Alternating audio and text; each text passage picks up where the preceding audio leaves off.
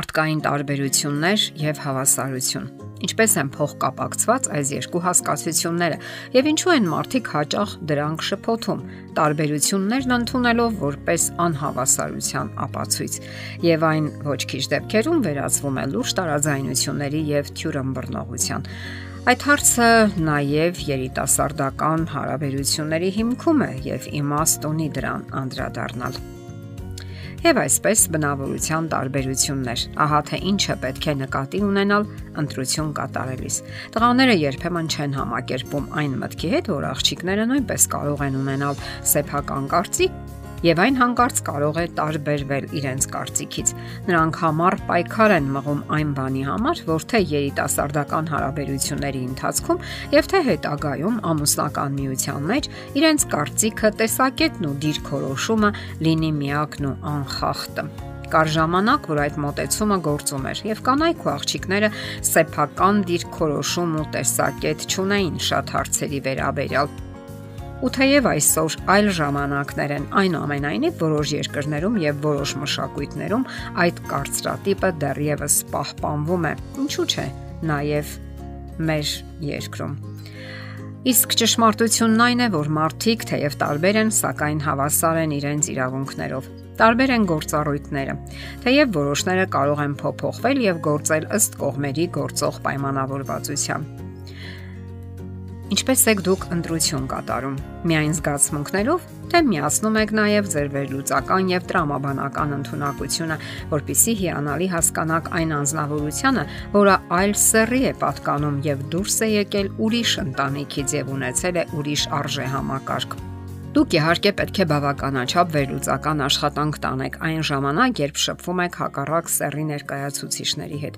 Ձեր հանդիպումների եւ ժամադրությունների նպատակը հենց այն է, որ կարողանաք հրաշալի ճանաչել այն անznավորությունը, որի հետ պատրաստվում եք ապրել մի ամբողջ կյանք։ Եվ պետք է իմանաք, որ գոյություն ունեն նշաններ, որոնք հստակ խոսում են այն մասին, որ ձեր միությունը կարող է լինել բարեհաջող կամ ընդհակառակը Դուք չեք համապատասխանում միմյանց եւ այստեղ չեն կարող օգնել զգացմունքները։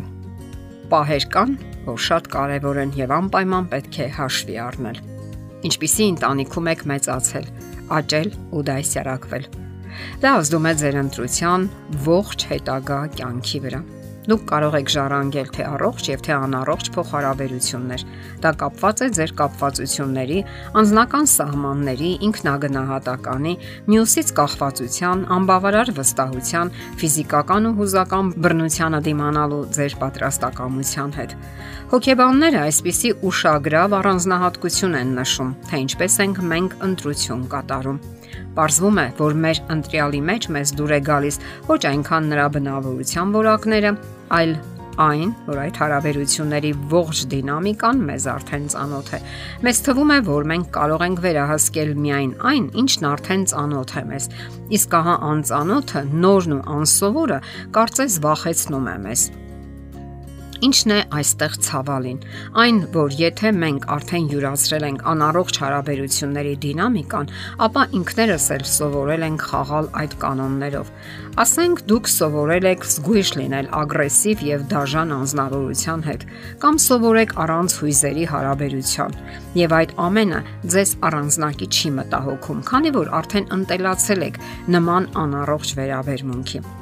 Դա ձեզ թվում է հարաբերականորեն բնականon, որովհետև ծանոթ եք դրան։ Սակայն իրականում ավելի լավ է ընդհանրապես ճանենալ հարաբերություններ, քան ունենալ անառողջ հարաբերություններ, ապրել հիվանդագին մտնոլորտում։